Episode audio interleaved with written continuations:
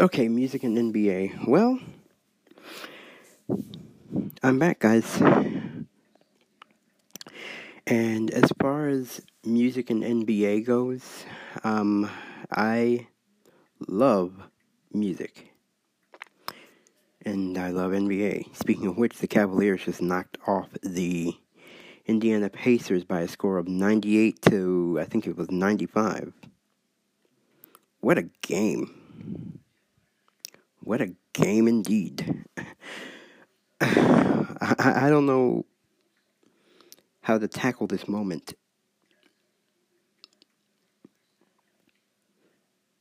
I don't know how to tackle this moment.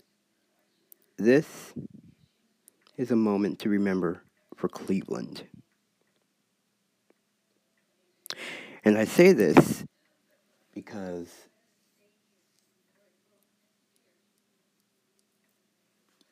LeBron actually just surpassed Jerry West. I don't know who Jerry West is, but LeBron just surpassed Jerry West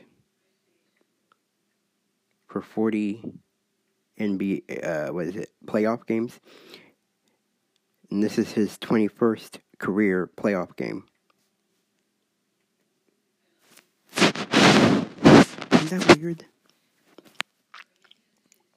Isn't that completely weird that LeBron was able to surpass that?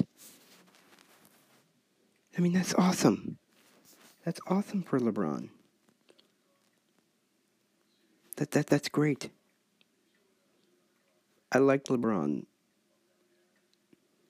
And now there are weird rumors that after the season ends, hopeful, hopefully it won't come to an end too early, that it he may be going to the Philadelphia 76ers.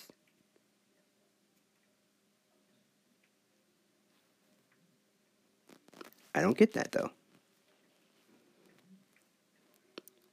He's going to go away from Cleveland and go to the 76ers.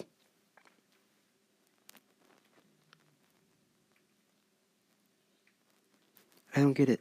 I don't get it sometimes. Sometimes, who knows?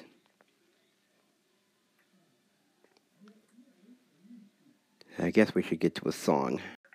Okay, that was NF.